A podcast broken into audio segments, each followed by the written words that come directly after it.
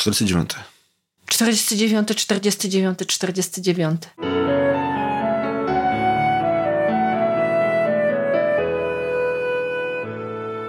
Witamy w kolejnym, 49. odcinku podcastu Co się czyta? Joanna Fordal i Krystian Zych.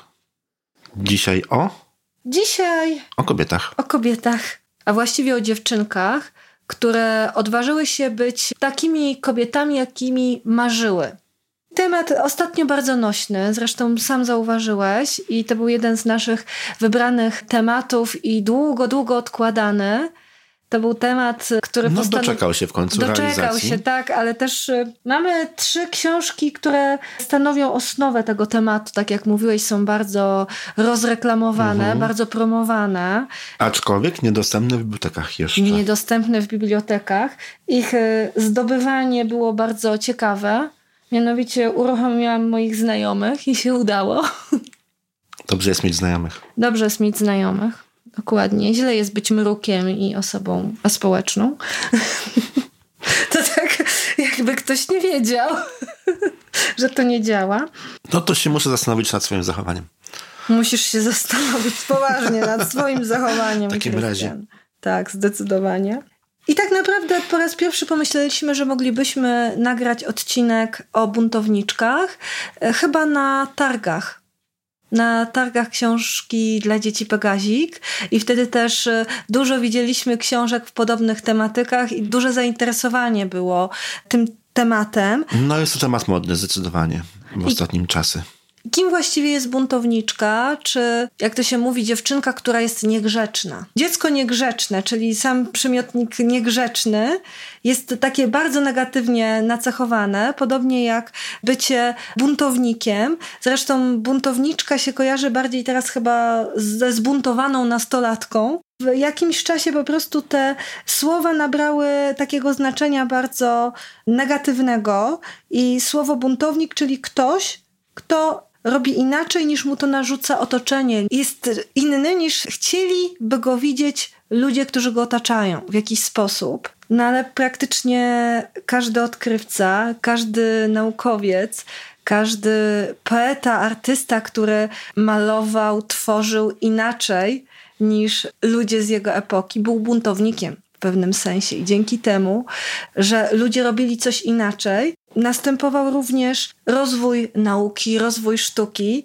więc y, nie można patrzeć na tego buntownika w taki sposób. Też myślę, że gdyby wszyscy robili tylko i wyłącznie to, czego się od nich oczekuje, to chyba nikt by do dzisiaj nie wszedł na Monteverest na przykład. Być może Dokładnie. nikt by nie odkrył Ameryki. Dokładnie. Takimi najbardziej znanymi książkami, które wspominaliśmy, a które mamy tutaj ze sobą, są na pewno opowieści na dobranoc dla młodych buntowniczek, Damy dziewuchy dziewczyny, Historia w spódnicy oraz Girl Power, opowieści dla dziewczyn, które chcą zdobyć świat.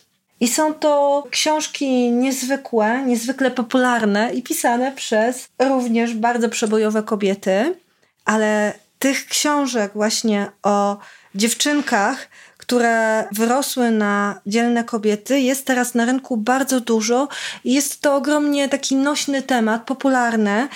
I o tym już świadczy teraz stan książek w bibliotece, bo okazuje się, że chcieliśmy wypożyczyć naprawdę sporo i zrobić taki solidny przegląd, a książki są wypożyczane praktycznie na pniu. No, w większości tych książek albo nie ma w ogóle w bibliotece, bo są na przykład zbyt nowe i jeszcze ich nie ma w bibliotece, albo wszystkie te tytuły, które się w bibliotece już pojawiają, to po prostu są wypożyczane non-stop na okrągło i właściwie nie schodzą tak naprawdę e, ze stolika pani bibliotekarki. Dokładnie. I tutaj do nich możemy zaliczyć superbohaterki Świat i Wielkie Odkrycia Małgorzaty Frąckiewicz, czy Koko jej mała czarna sukienka, która opowiada e, historię Coco Chanel. Również jest seria Idol i w tej serii znajduje się Frida, Justyny Styszyńskiej, Maria Skłodowska-Curie i tych książek o Marii Skłodowskiej-Curie jest bardzo dużo. Tak. Tak. Przypuszczam, że sama Skłodowska mogłaby się wielu rzeczy o sobie dowiedzieć z tych książek. Możliwe. Zresztą tutaj Taka rozmawialiśmy. Jest ich ilość. w sumie ty rozmawiałeś, a ja przysłuchiwałam podcast z Jakubem Skwoszem, który przecież też będzie pisał o Marii Skłodowskiej-Curie. Tak, pod troszkę innym kątem niż inni autorzy, ale też. Również do tych książek możemy zaliczyć y, Kruszynkę, czy Pięć skarbów pod wielkim śniegiem, opowieść o Wandzie Rutkiewicz, z którą można się e, zapoznać również w innych książkach. Tak, w jednej z tych książek też jest wspomniany. Tak, w Damach, mhm. Dziewuchach i y, Dziewczynach Historia w spódnicy. Także książek jest ogrom, ale bardzo ciężko wypożyczyć tutaj u nas w Poznaniu, bo mamy już zasięg ogólnopoznański teraz, jeżeli chodzi o wypożyczanie książek. No i niestety, ale Cztery z książek, które tutaj przynieśliśmy, pożyczyłam od znajomych. Między innymi. To nie takie niestety. Dobrze, że masz znajomych, którzy mam takie książki. Tak, tak, już o tym mówiliśmy.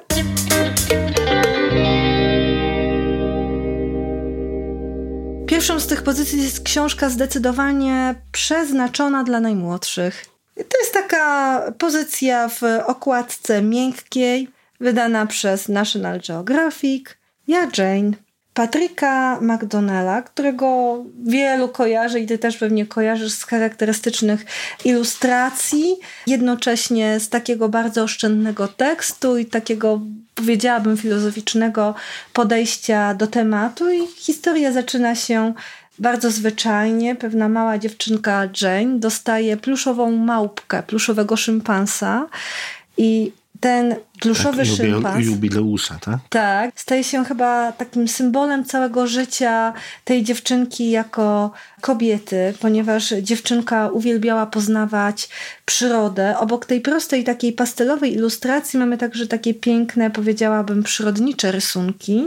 I mimo, że książeczka jest trochę niepozorna, to jednak warta jest uwagi. I tutaj marzenie Jane się spełniło ponieważ na samym końcu możemy się dowiedzieć, że pewnego dnia jej marzenie się spełniło i mamy tutaj zdjęcie pani przyrodnik. I to jest historia Jane Goodall, która poświęciła się obserwacji szympansów i również znajdzie się ona w tych naszych większych książkach.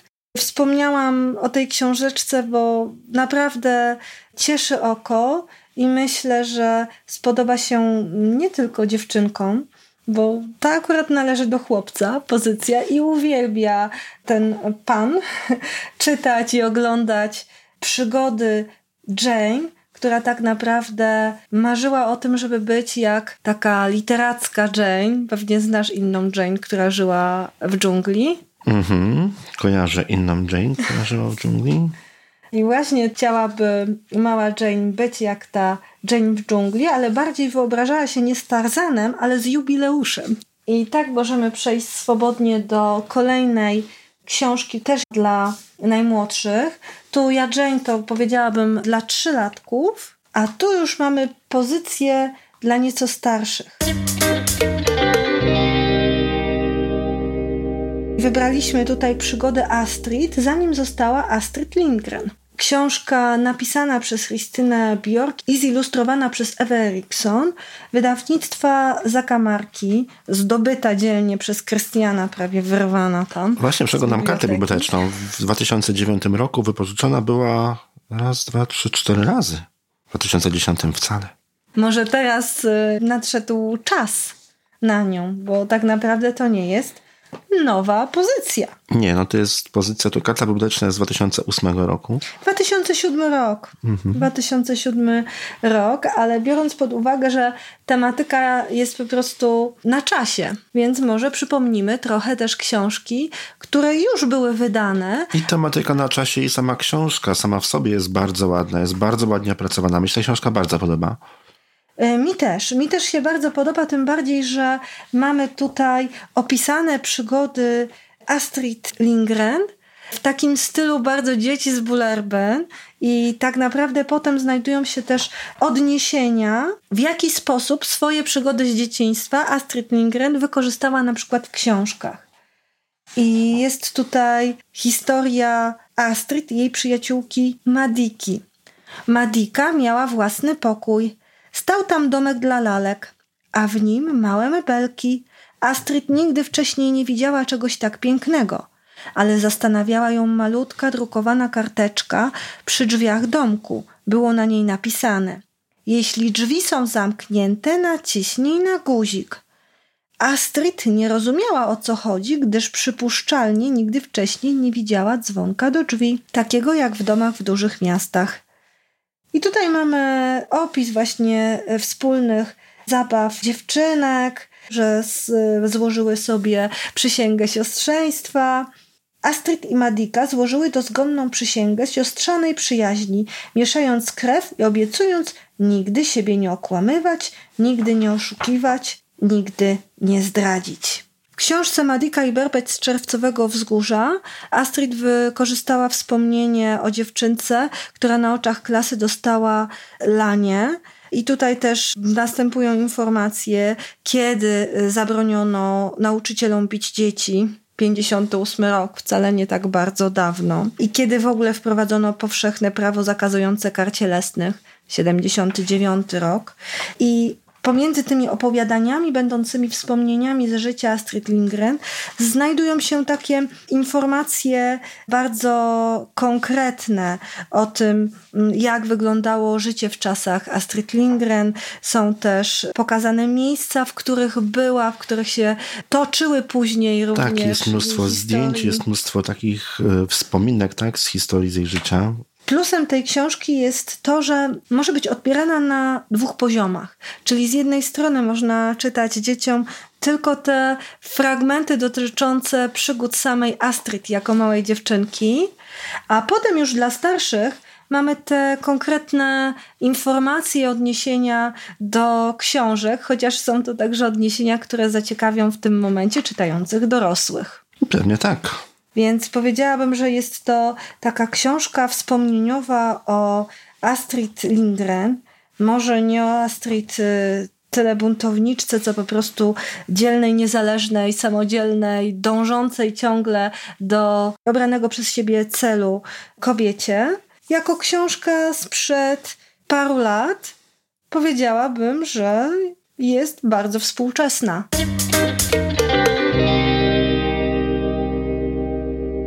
Mam tu teraz książkę o jednej z najbardziej znanych bohaterek, o której wszyscy chcą w sumie pisać. I co ciekawe, jednej z naszych ulubionych autorek, Anny Czerwińskiej-Rydel, która pisze bardzo barwnie, bardzo ciekawie i mamy tutaj w poszukiwaniu światła opowieść o Marii Skłodowskiej-Curie. Jest to książka przepięknie ilustrowana przez Dorotę Łoskot-Cichocką w takiej bardzo staroświeckim stylu, tak jak pamiętasz te ilustracje w naszych starych książkach, to troszeczkę tutaj nawiązują, ale z drugiej strony jeszcze kolorystyka powiedziałabym, że jest utrzymana w beżu bieli błękicie, więc nie ma tutaj e, takiego nadmiaru, jeżeli chodzi o epatowanie kolorem. Co znaczy, też no, pozwala... kolorów zdecydowanie nie ma, bo tu są ile ze trzy kolory, tak? W sumie. Te ilustracje są robione w zupełnie inny sposób. Nie o kolor tutaj tak naprawdę chodzi. Ten kolor jest tak naprawdę niepotrzebny. To prawda, ale właśnie ale mimo wszystko, mimo wszystko bardzo ładnie jest wydana ta książka. Też muszę przyznać, że jest fantastycznie opracowana. W pierwszej chwili zwróciłem właśnie uwagę na, na jej wygląd i tym mnie urzekła. I to jest już e, bardzo świeża książka. 2017 rok, wydawnictwo Literatura. I jest to opowieść. Powiedziałabym, że to będzie zdecydowanie dla dzieci wczesnoszkolnych. Myślę, że nie byłoby już trudno czytać e, dzieciom samodzielnie ze względu na duży, ładny druk. Jeśli druk jest duży, ładny, te litery są czytelne, ale nie wiem jeszcze jak z trudnością słów. Czy sobie no dzieci właśnie. takie, które uczą się czytać, czy dopiero co się nauczyły, czy sobie poradzą samodzielnie z przeczytaniem tego tekstu. Pan... Więc na pewno jest to tekst dla nich, tylko pytanie, czy będą w stanie sobie same to przeczytać. Właśnie o to chodzi, że pani Anna Czerwińska-Rydel jest znana z tego, że pisze raczej w sposób prosty. Nie robi e, pani Marii Skłodowskiej-Curie jakiegoś takiego pomnika i laurki, tylko pisze dla dzieci. Znaczy nie, one... nie przeglądałem tej książki pod kątem właśnie mm, języka dla dzieci, które same właśnie uczą się czytać. Nie zwróciłem po prostu na to uwagi wcześniej. Chcę przeczytać tutaj jeden fragment, który e, może nam pokazać, jak w czasach Marii Skłodowskiej-Curie, a właściwie jeszcze wtedy Marii Skłodowskiej, wyglądała edukacja. Panna Tupalska miała tajną umowę ze swoimi uczennicami. Zamiast znajdującej się w planie lekcji botaniki, uczyła historii Polski, a zamiast języka niemieckiego polskiego. Ustaliła też z zaufanym woźnym specjalny sygnał ostrzegawczy, dwa długie, a potem dwa krótkie dzwonki, na wypadek, gdyby w szkole niespodziewanie pojawił się rosyjski inspektor. I tutaj już y, mamy pokazane tło, pokazana sytuacja, w jakich uczyła się y, mała Maria, bo pamiętajmy, że czasy to były zupełnie inne. I wcale nie było tak łatwo zdobywać wiedzę. Z jednej strony e, jest to. No, w ogóle nie było łatwo zdobywać wiedzy, już nie tylko kobietom, ale w ogóle. Bo przecież tak. trudno mówić, że w tamtym okresie w ogóle były polskie szkoły, tak? No, dokładnie. Tutaj jeszcze Maria Curie Skłodowska prowadziła swoje badania i swoją pracę, jednocześnie nie rezygnując ze swojej rodziny, bo też pamiętamy, że prowadziła swoje badania z mężem, ale także w międzyczasie zakładała rodzinę, więc to tym bardziej ogrom tych trudności, które się piętrzyły przed tą kobietą. Z jednej strony te trudności związane z wczesną edukacją ze względu na warunki gospodarczo-polityczne, tak, tak ciężkie warunki gospodarczo-polityczne, z drugiej strony też no, niepopularność kobiet w nauce. No nie ukrywajmy tego, więc wielki, wielki szacunek. Można powiedzieć, że to jest prawdziwa bohaterka i nic dziwnego, że aż tyle jest o niej książek. Pani Maria jest wymieniona zarówno w opowieściach na dobranoc dla młodych buntowniczek, jak i w damach, dziewuchach, dziewczynach, no bo nie mogło jej tu po prostu zabraknąć. Mamy już za sobą pojedyncze publikacje, czyli o konkretnych osobach i możemy przejść do znacznie obszerniejszych książek. Tak, do książek, które opowiadają o wielu różnych osobach, tak? którym Dokładnie. dedykowane są poszczególne rozdziały.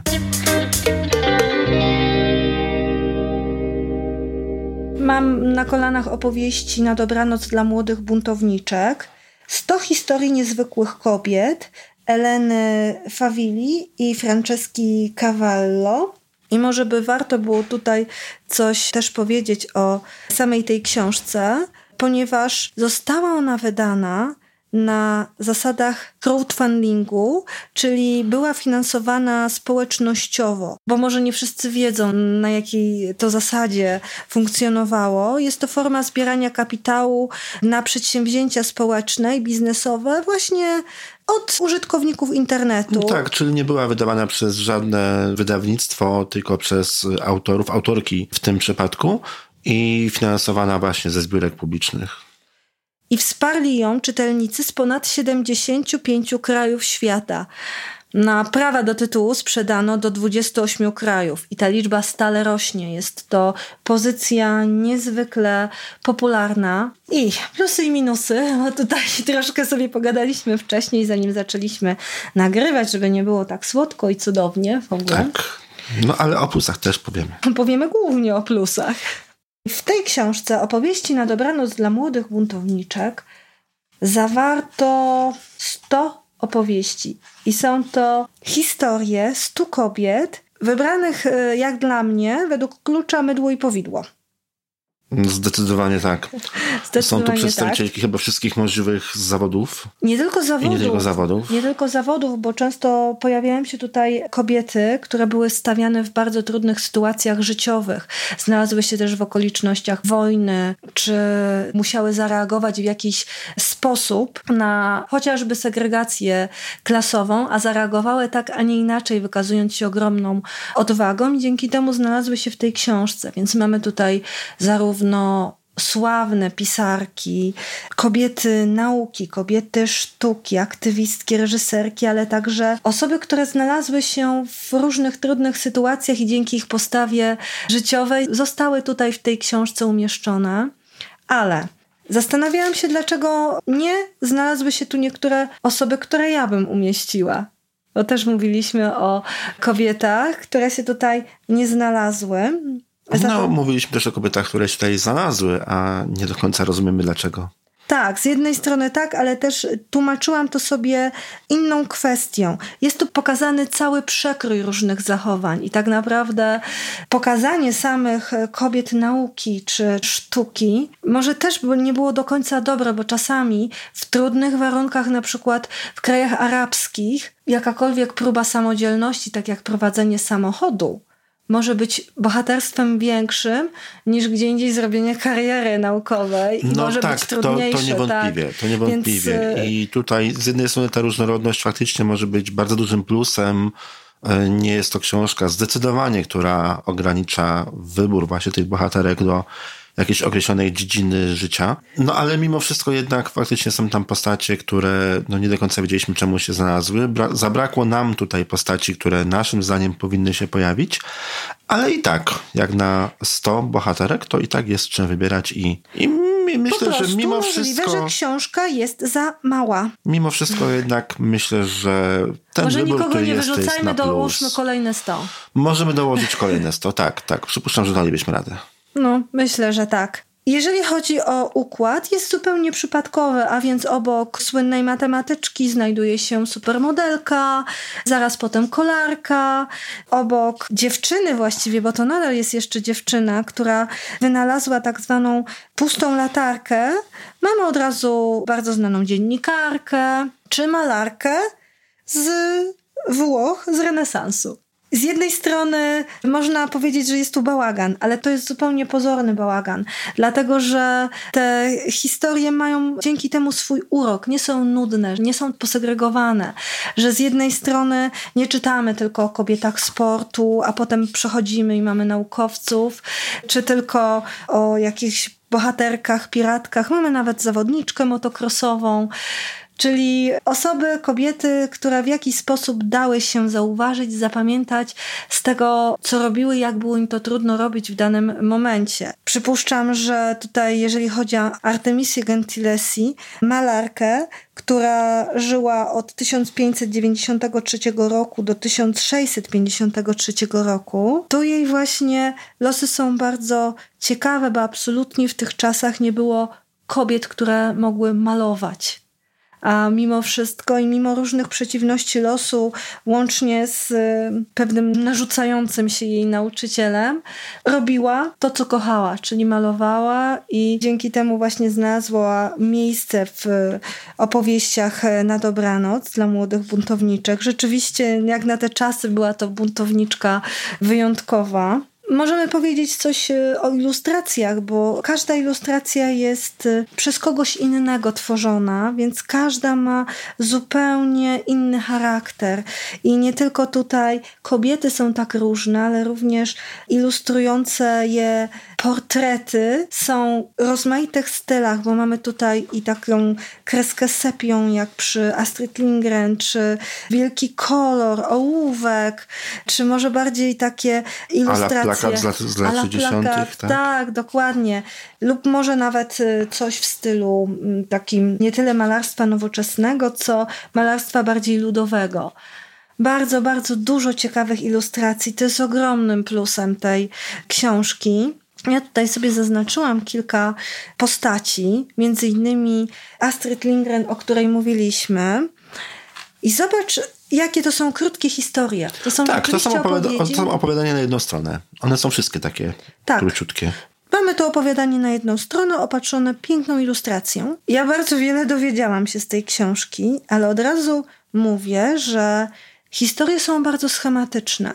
Nie opisują pewnych szczegółów z życia tych kobiet, bo często są to kobiety, które niestety, ale przypłaciły fakt tego, że nie dostosowały się do otoczenia bardzo drogo. Tu zwłaszcza jeżeli chodzi Owszem. o takie kwestie związane z buntowaniem się przeciwko danemu reżimowi. Więc e, te kwestie nie są podkreślane. Jest wyciągnięte sedno życia danej bohaterki i ujęte w taką bardzo bajkową strukturę. Strukturę może nie tyle bajkową, co może takiego przyjemnego, krótkiego opowiadania. One naprawdę nadają się do czytania dzieciom na dobranoc i nie tylko dziewczynkom, bo są to opowiadania bardzo ciekawe i przygodowe.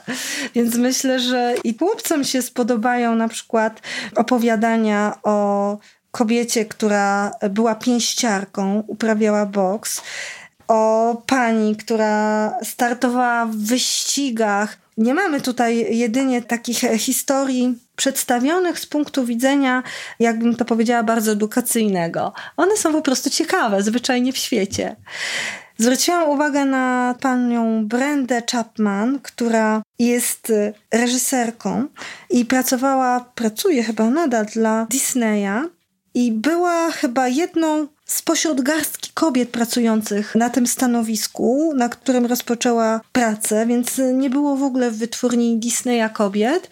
I bardzo ciekawą rzecz powiedziała i myślę, że miała w pewnym sensie rację, bo bardzo nie lubię animacji Disneya tych właśnie o księżniczkach i książętach, ale nie lubię z innych powodów niż pani Chapman, ponieważ nie lubię ze względu na spłycanie baśni i ich e, takiego realnego wydźwięku. I to jest już mój bzik baśniowy. W tym momencie się pojawia, ale ona zauważyła jedną rzecz, że te księżniczki są takie niewinne, bezradne i takie, no nie wydają się jej zbyt mądre, bo tak naprawdę nie wymyśliły ich kobiety, tylko wymyślili je mężczyźni, którzy chcą tak widzieć księżniczkę. Hmm, na tym się nie zastanawiałem. Ale to nigdy. też ciekawe podejście, nie? Bo to Mhm. no nie jesteś w stanie pewnych rzeczy zobaczyć cudzymi oczami. Mężczyźni wy- wyobrażają sobie księżniczki na, na zasadzie takiej często baśniowej, schematycznej, bo księżniczki tak bardzo chyba nie interesują. Ciekawsze są smoki, przygody i różne inne rzeczy. A księżniczka, wiadomo, ma mieć sukienkę i tam machać z tej wieży, nie? No to tak, no, i, macha. to, i to wystarczy generalnie w większości przypadków. No to się nie zgadzamy z tobą, ja i pani Chapman. Zwróciłam też uwagę na historię Florence Nightingale, gdzie nie została tutaj chyba ta pani ujęta w żadnej z tych książek dotychczasowych, a jest uznawana za osobę, która po raz pierwszy zaczęła się zastanawiać nad tym, czy szpital naprawdę pomaga, czy może czasami bardziej szkodzi. Bo ona właśnie uznała, Trudne że pytania. niestety, ale stan higieny w szpitalu doprowadził do tego, że częściej żołnierze ranni umierali nie na swoje rany, tylko na zakażenia podczas udzielania im pomocy. No tak, tylko że to był XIX wiek, tak? Tak, ale to było bardzo innowacyjne na te czasy. Jest uznawana za twórczynię nowoczesnego pielęgniarstwa. I takiej wizji właśnie pielęgniarki zawsze była nazywana kobietą z lampą ze względu na to, że naprawdę doglądała chorych z lampą. Oczywiście jest Frida Kahlo i o Fridzie Kahlo też jest dużo. Niedawno zresztą była wystawa, na której też e, byłam tutaj w e, zamku. Ale może o Fridzie kiedyś jeszcze powiemy. Oczywiście jest Irena Sendlerowa, która potem się też znalazła w Damach, Dziewuchach i Dziewczynach. I oczywiście Jane Goodall, o której już mówiliśmy. ale teraz jaki już jest, w wersji dla nieco jaki jest, starych jaki jest podpis? Pry... Nie widzę do nogami. Prymatolożka. Prymatolożka. Podpowiadamy, że chodzi o obserwację szympansów w dżungli. O, zwróciłam tutaj uwagę na panią Mary Edwards Walker, która była chirurgiem i zasłynęła, może bardziej zapamiętana została, nie tyle zasłynęła, bo została zapamiętana z tego, że ubierała się po męsku i budziło to zadziwienie i niesmak. Ale też pamiętajmy, że ona zmarła w 1919 roku, czyli dużo przed w ogóle zmianą w myśleniu o stroju kobiet, więc było to po prostu nie do pomyślenia nie wiązać się No niewątpliwie w jej czasach musiało to być bardzo szokujące. Jest tutaj jeszcze jedna lekarka, bardzo takie buntownicze ma spojrzenie na tym rysunku, ale ona na wszystkich zdjęciach tak wyglądała. I rzeczywiście była prawdziwą buntowniczką. Mathilde Montoya była lekarką i była lekarką w Meksyku. Czyli nie dość, że trudno było jej ze względu na czasy, to jeszcze jej było trudno ze względu na, jak już Miejsce. mówiliśmy, tak, sytuację społeczno-gospodarczą będziemy i polityczną, będziemy to tak grzecznie określać. Ale na przykład znalazła się też tu pani Maud Stevens Wagner, która zasłynęła z tego, że była cyrkówką, miała dużo tatuaży i sama w pewnym momencie wraz później z mężem je robiła. I podobno była pierwszą znaną Amerykanką, która zajmowała się profesjonalnym tatuażem, więc ten wypis tych wszystkich postaci jest od sasa do lasa. Moją tutaj ulubioną panią jest reporterka Nelly Bly, ponieważ wyczytałam, że została zatrudniona w New York World i szukała zajęcia, bo czasy były ciężkie i chciała sobie troszkę dorobić. Ale były to czasy y, tak naprawdę Juliusza Werna. Mówimy tutaj o końcu XIX wieku i początku XX wieku i rzeczywiście zasłynęła jako reporterka i chyba najbardziej znanym wyczynem było udowodnienie, że Wern nie zmyślał, kiedy twierdził, że tak, można że da się świat... objechać świat w 80 dni. Dokładnie, a ostatnio niedawno mówiliśmy właśnie też w jednym z naszych odcinków o podróży w 80 dni dookoła świata i to był odcinek właśnie taki podróżniczy. Tak, 47? Hmm, tak, 47. Chyba? Jak się okazało, bo pod koniec książki, może nie każdy to wysłyszał, Paspartu mówi do swojego pracodawcy, że można by znacznie krócej objechać cały świat dookoła, gdyby nie zahaczać o Indię. Że to byłoby 70 kilka dni. I rzeczywiście Nelly Bly w końcu po 72 dniach, 6 godzinach i 11 minutach przybyła z powrotem do Nowego Jorku i odniosła pełen sukces, a jeździła chyba tam dokładnie wszystkim. Parowcem, statkiem, koleją na grzbiecie osła. Także podeszła do zadania bardzo praktycznie. Mamy tutaj nie tylko kobiety nauki, nie tylko pisarki, bo pojawia się Virginia Woolf. Mamy także królowe, mamy także kobiety szpiegów. Tak, tenisistki. Dwie piratki, tenisistki. Piratki, mhm. Także dla każdego znajdzie się ktoś, kto w jakiś sposób mu zaimponuje. A jak nie, to na końcu może dopisać swoją historię i narysować swój portret. Dokładnie. Pewnego razu i napisać coś ciekawego o sobie.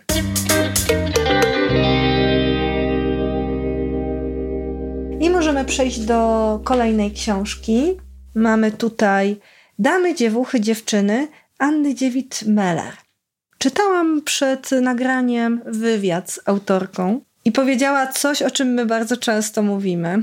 I często się napotykamy właśnie z wywiadami, z autorami, że bronią się rękami i nogami przed pisaniem dla dzieci. To jest. Tak, mieliśmy na ten temat dwa odcinki jakiś czas temu, że właśnie autorzy książek dla dorosłych bardzo często nie chcą pisać dla dzieci, bo się po prostu boją.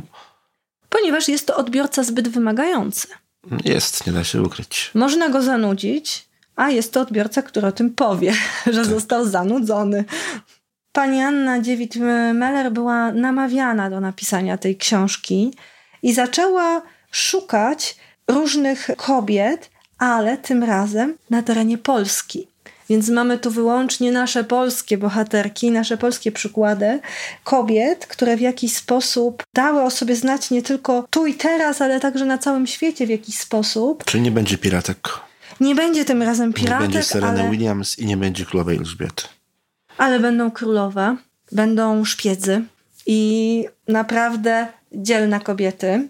I powiem ci, że tutaj autorka sama mówiła, że czytając właśnie opowieści na dobranoc dla młodych buntowniczek, w dużym stopniu inspirowała się tą formą. Ale to już mamy coś zupełnie innego, ponieważ mamy narratorkę. A narratorką jest Henryka Pustowójtówna, dziewczyna z powstania.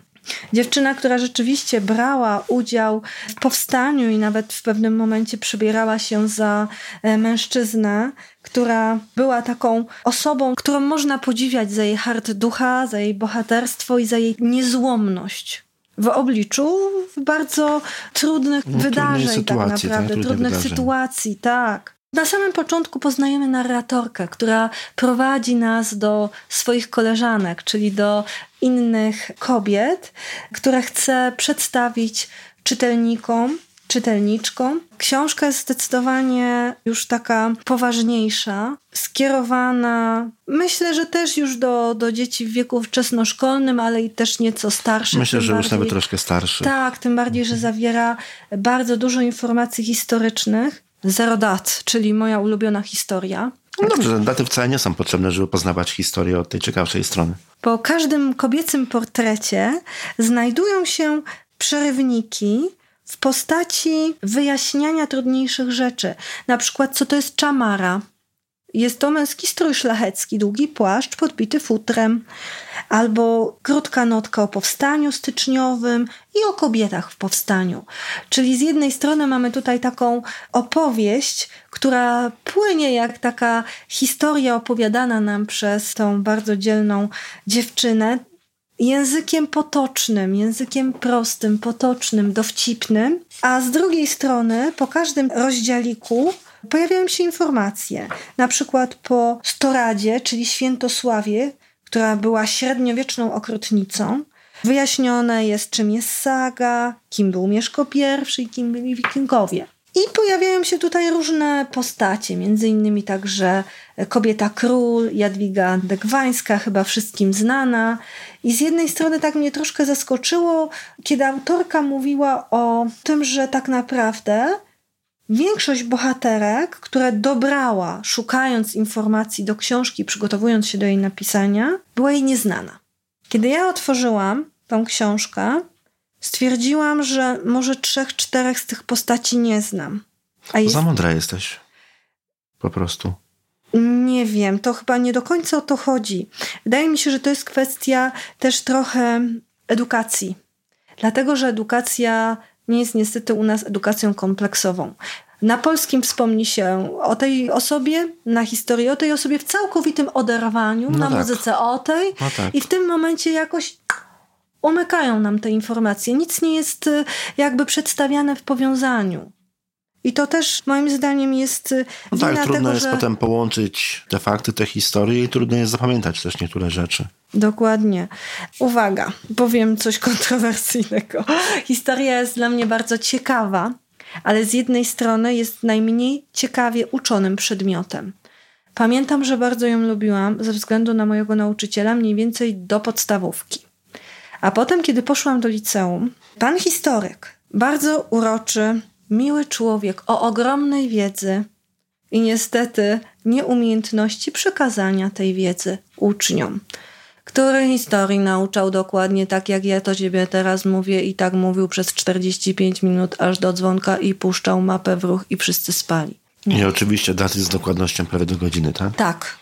Gdzie e, dla mnie historia jest bardzo ciekawa pod względem tego, że my możemy się czegoś nauczyć, odnosząc pewne wydarzenia do naszych współczesnych sytuacji uczenie się czegoś według dat i chronologii, w oderwaniu od tego, do czego coś doprowadziło, jest moim zdaniem pozbawione sensu. Ale nadal uważam, że tak właśnie uczymy się historii. Chyba tak. Niestety. Więc szkoda, że, że brakuje tutaj takiego kompleksowego podejścia. Nawet nie to, że po prostu szkoda. Nie, że krytykuję, przykro mi, zwyczajnie w świecie. Zaznaczyłam sobie tutaj Izabelę Czartoryską, która jest y, przedstawiona jako wielka kolekcjonerka i jako pierwsza chyba tutaj w Polsce założyła muzeum i zaczęła gromadzić różne skarby, jak się później okazywało. W większości były to skarby podejrzanej oryginalności, tak? Tak, o bardzo podejrzanej oryginalności, czyli po prostu nie były oryginalne. Do specjalnie wybudowanej w tym celu budowli, zwanej świątynią Sybilli, zaczęła sprowadzać pamiątki, takie jak dwa miecze krzyżackie z bitwy pod Grunwaldem, czaszka poety Jana Kochanowskiego, jednak okazało się, że należy ona do jakiejś pani, trzewiczki królowej Jadwigi. Owszem, były królewskie, ale należały do kogoś zupełnie innego, bo do króla Zygmunta Augusta, który najwyraźniej musiał mieć bardzo niewielką stopę. Czy sucharek należący do naczelnika insurekcji z 1790 1994 roku Tadeusza Kościuszki, który nie wiedzieć czemu go nie zjadł. Ustalenie jakby do kogo należał sucharek jest praktycznie niemożliwe. Ale tak troszeczkę się cicho podśmiechujemy, ale nie ma się z czego śmiać, ponieważ to właśnie Pani Czartoryskiej zawdzięczamy sprowadzenie damy z dziwnym zwierzęciem. Ni to pies, Nie ni, wydra. to, ni to wydra. I dzięki niej właśnie mamy tutaj w Polsce damę z łasiczką. Mogą się tutaj schować wszystkie sucharki i buciki świata, bo tak naprawdę jest to skarb No coś się udało. Coś się udało, to jest skarb. Mamy oczywiście Marię Skłodowską-Curie, również Narcyzę Żmichowską, czy Zofię Stryjeńską, zapomnianą malarkę. Tak samo, jeżeli chodzi o malarstwo, o poezję, są to sztuki podlegające modzie. I jeżeli tutaj mamy do czynienia z jakimś takim ponadczasowym artyzmem, to one nie zostaną zapomniane. Prędzej czy później również odkopiemy. Na wszystko tak naprawdę istnieje moda i Tak, moda po prostu przemija. muszą przyjść odpowiednie czasy. Dokładnie. Odpowiednia moda. Mamy tutaj e, też Krystynę Krachelską. W ogóle nie wiedziałam, rzeczywiście, że jest to pani, która pozowała do Syrenki Warszawskiej, której twarz znają praktycznie wszyscy. Ale też zostały tu wyróżnione Stefania Wilczyńska Irena Sendlerowa jako największe bohaterki. Pojawiła się pani modna, czyli nasz specjalista od mody, Barbara Hulanicki. Pani Barbara nadal żyje jak się dowiadujemy, ubiera się na czarno, zawsze nosi ciemne okulary i od wielu lat ma tą samą fryzurę. Królowa brytyjska Elżbieta II przyznała jej zasługi Order Imperium Brytyjskiego. Ciekawe, czy jest dobrze zaprojektowany.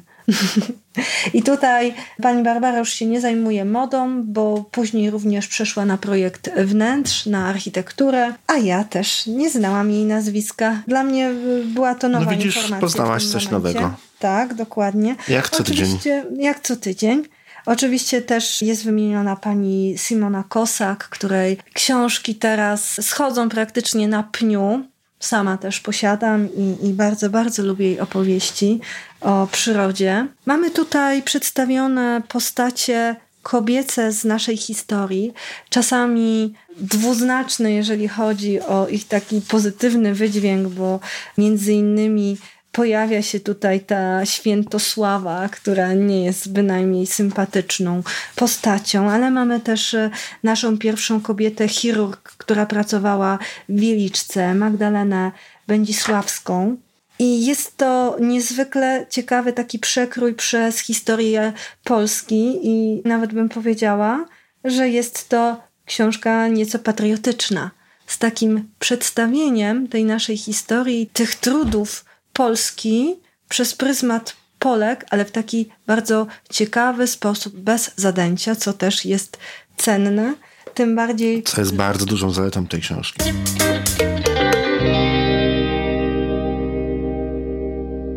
Przechodzimy po prostu do światowego bestselleru Girl Power, opowieści dla dziewczyn, które chcą zdobyć świat. Tak, okładka się aż błyszczy, aż prosi, żeby ją wziąć tak, do ręki. po prostu została tu przeze mnie wyrwana z biblioteki domu Bajek i będę musiała ją oddać, bo pewnie jest chciana i czytana. Wydawnictwo Papillon. Książka jest bardzo specyficznie ułożona i zaraz powiem o co chodzi. Została napisana przez Caroline Paul, która jest sama osobistością nie lada, ponieważ jest y, kobietą, która słynie ze swoich przygód i do przekraczania pewnych granic. Przez 11 lat była strażakiem. Również y, pilotuje samolot, y, wspina się na Tak, czyli góry, ima się prac, które do dzisiaj uznawane są za bardzo męskie.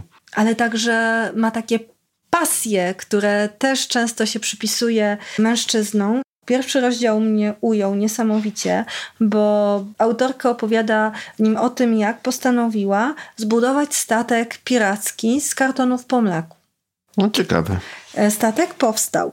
Najpierw zbierała bardzo długo kartony, szybko wpadła na to po zapachu, że trzeba je najpierw wymyć.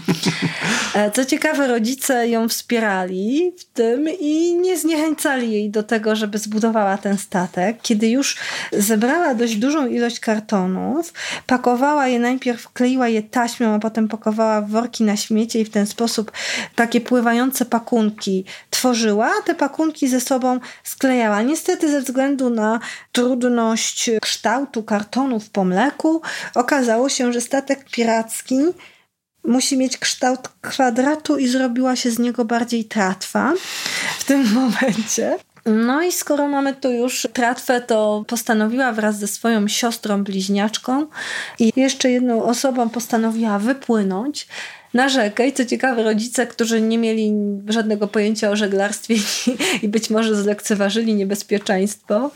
Przypuszczam, że dlatego zlekceważyli, bo nie mieli żadnego pojęcia, nie wiedzieli, co to naprawdę ją czeka. Nie zareagowali na to, jak dzieci wsiadły na tą zrobioną przez siebie tratwę. Bardzo długo nie były na tej tratwie, bo zaczęło ona się obracać wokół własnej osi i w tym momencie rzeczywiście trzeba było szybko opuszczać okręt. Była to bardzo krótka, ale pierwsza wyprawa tej pani miała chyba tam z 13 lat.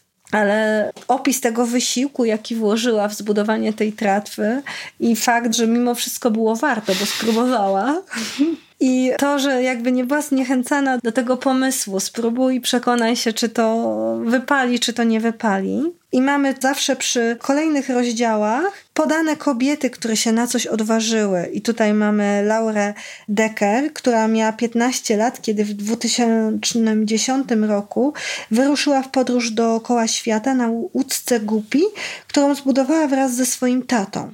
Chciała zostać najmłodszą osobą, która opłynęła kulę ziemską w pojedynkę. Tak, głośno było o niej. Tak, i chyba jest nawet tutaj w opowieściach. I tu są właśnie przywoływane kobiety, które kojarzą się autorce z kolejnymi jej przygodami. Drugi rozdział ma taki fajny tytuł. Nawet jeśli się z ciebie śmieją a zwłaszcza gdy się z ciebie śmieją. Czyli, że nie warto zwracać uwagi na to, co myśli otoczenie, jeżeli jest się przekonanym o tym, że chce się. Co się czegoś, robi, tak? Tak, Czego coś robić, chce. czegoś dokonać, dokładnie. I tutaj mamy znowu kolejną bohaterkę przywołaną, Nelly Bly, czyli ta nasza Nelly Bly, o której mówiliśmy, i te 72 dni, 6 godzin, 11 minut i 14 sekund. Więc pojawiają się tutaj również postacie, ale bardziej jest to opowieść taka pamiętnikowa, wspominki autorki i do tego jest mnóstwo pomysłów. Jest właśnie przepis, jak spróbować zbudować tratwę z kartonów mleka, czy wskazówki, jak rozpoznawać ślady zwierząt. I oczywiście miejsca na własne zapiski. Zapisz to w dzienniku. Zacznij prowadzić dziennik przygód, opisując swoją ostatnią przygodę. Co to było, kto w tym jeszcze uczestniczył, dlaczego to było wyzwaniem, jak ci się udało pokonać trudności, a najważniejsze, jak się wtedy czułaś. Możesz zerknąć na tabelkę emocji na stronie 26 i znaleźć słowa, które najwierniej oddają Twoje samopoczucie. Możesz też zakreślić buźki, jeśli sprawi Ci to frajdę. Czyli mamy tutaj e, taką pozycję, która nie tylko jest pozycją do czytania, która w jakiś sposób motywuje do działania, tworzy warunki do jakichś takich nowych pomysłów, ale także zachęca do różnych działań, do notatek, zawiera różne schematy, na przykład rozważanie skoczyć z urwiska czy nie skoczyć, za i przeciw, cały schemat, całe mapowanie, bo to jest mapowanie, klasyczne mapowanie. Tak, dla mnie przeczytałem tytuł, tylko skoczyć z urwiska czy nie skoczyć i dla mnie od razu jest jedna odpowiedź nie i dziękuję. No ale, no widzisz, tu na końcu jest tak No skacz. ja wiem, na końcu jest dwa razy skacz, a tylko raz nie skacz. No, ale tak, boisz się... Jeszcze po drodze jest kilka razy tak, skacz. Tak, nie. Czy ten klif jest wysoki? Tak. Czy masz paralotnie? Nie, tak. To nie jest klif, więc skacz, nie? Mhm. Czy to jest klif? No tak, jest klif, to jest od razu tak. rozpiska tak. dalej. Czy masz paralotnie? Tak. No czy umiesz latać na paralotni? Tak czy nie? Naucz się i zacznij od początku. Ale z kolei nie. Czy jest pod nim woda? Tak, nie. No jeżeli tak, to skakałeś już z klifu do wody? Tak. Zrób potrójne salto i skacz. Nie. Czy na pewno skoczysz na nogi? Tak, nie. Jest tu nie skacz, nie skacz, nie? Czyli musisz niestety pomyśleć, czy to rzeczywiście jest rozsądne. Bo pytanie, urwisko i urwisko, czy rzeczywiście ludzie tam skaczą i jest bezpiecznie i wyjdziesz bez szwanku? I tak jest praktycznie skonstruowana cała książka. Bardzo podoba mi się jej dowcipna forma. Książka jest naprawdę obszerna i tak samo tutaj mamy już dzieci ponad wczesną szkołę. No właśnie i co zauważyłem, wspomniałaś przed chwilą, że książka jest w taki dowcipny sposób napisana. Moim zdaniem jest to bardzo duża zaleta, bo pierwszy raz jak widziałem tą książkę, tak naprawdę tego nie było na reklamach jeszcze księgarni, to wydawało mi się, że to będzie książka taka bardzo motywująca, że jesteś dzielna, idź, zrób to, i bo, bo, bo sobie poradzisz, bo przecież musisz i tak dalej. Ona jest to, motywująca. To tak, no tak, no tak, ale nie jest to taki po, po prostu podręcznik motywujący, że nie. musisz to zrobić, musisz nie. wyjść poza swoją strefę komfortu, bo inaczej to nie wiadomo, co się stanie, nie wiadomo jak czarnego. Tylko jest to książka bardziej motywująca, na zasadzie właśnie takich podpowiedzi, ciekawych historii, które się wydarzyły, niż na zasadzie takiej motywacji, jak my to z reguły rozumiemy. Jest to książka może nie tyle motywująca, co pozwalająca ci się przygotować do tego, co chcesz zrobić. No bo to tak, chcesz wyruszyć na wyprawę. Jeżeli masz lusterko, gwizdek, przezroczyste worki na śmieci, linkę spadochronową, nóż, zapalniczkę, spokój i zdrowy rozsądek, to możesz się zastanowić nad tym, czy rzeczywiście ta wyprawa nie jest dobrym pomysłem. Mamy tutaj jeszcze oczywiście cały spis różnych rzeczy, które mogą się przydać w takiej wyprawie. Mamy też możliwość zaplanowania własnej wyprawy z pytaniami. Podoba mi się, że został wspomniany zdrowy rozsądek. no tak. No jest bardzo ważny. Mhm. I mamy pytanie, dokąd chcę się wybrać? Z kim pojadę? Wiadomo, że lepiej z kimś. Czy dotrę tam kajakiem, pieszo, na rowerze, na tratwie, na deskorolce, na motocyklu, wspinając się na linach, czy spacerkiem?